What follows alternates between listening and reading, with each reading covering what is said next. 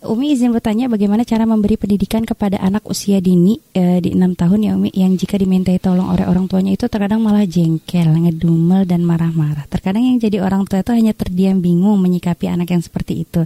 Di sini saya sebagai bibi anak tersebut Umi merasa bukan sikap yang baik dan saya berpikir kalau nanti sudah memiliki anak bagaimana sekiranya kiat-kiat mendidik anak agar memiliki rasa hormat dan patuh kepada orang tua. Itu yang ingin saya sampaikan kurang lebihnya mohon maaf biasanya itu nggak sekaligus anak seperti itu. Karena memang nggak pernah dilatih. Dan mungkin ya anak biasa dituruti maunya. Mm -hmm. sehingga makanya ketika mereka diperintah ya mereka ngelawan. Yeah.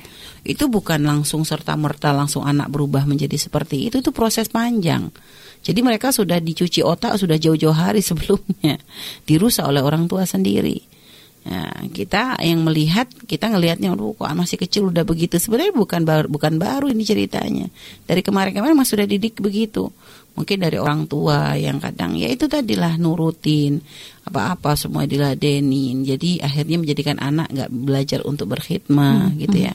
Kita temukan bagaimana anak-anak putra-putra dari para para guru-guru kita mereka tuh dididik dengan untuk bagaimana mereka bisa ikromul daif sehingga kadang kita temukan di tempat ulama-ulama besar sekelas Habib Abdullah Barun sekelas Habib Umar bin Hafiz itu kadang putra-putra beliau lah yang bahkan kadang berkhidmah untuk untuk para tetamu gitu.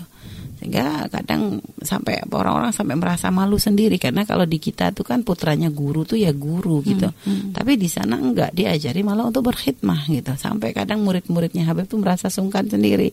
Oh ini malah putranya beliau yang berkhidmah. Tapi memang dididik seperti itu. Hmm. jadi eh, apa makanya lingkungan pola didik orang itu akan membawa pengaruh yang besar kepada anak. Yeah.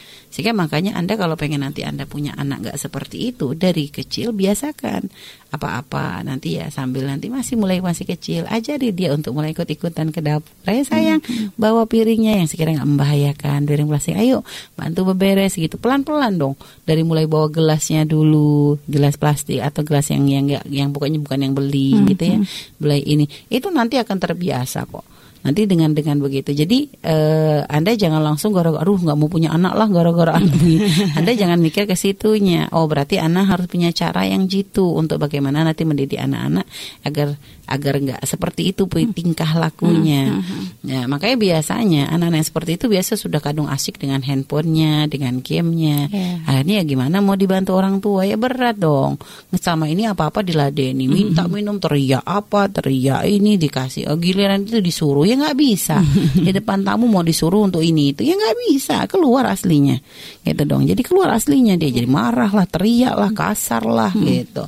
Makanya itu kesalahan itu sudah kesalahan jangka panjang yang jadi makanya ke depan anda didik makanya jangan sampai anak anda sampai hanya disibukkan dengan nonton game tanpa kontrol ya kalau sudah kecanduan kecanduan hal-hal seperti itu tuh susah banget untuk yeah. dirubah hmm. ya jadi seperti itu Allah alam bisa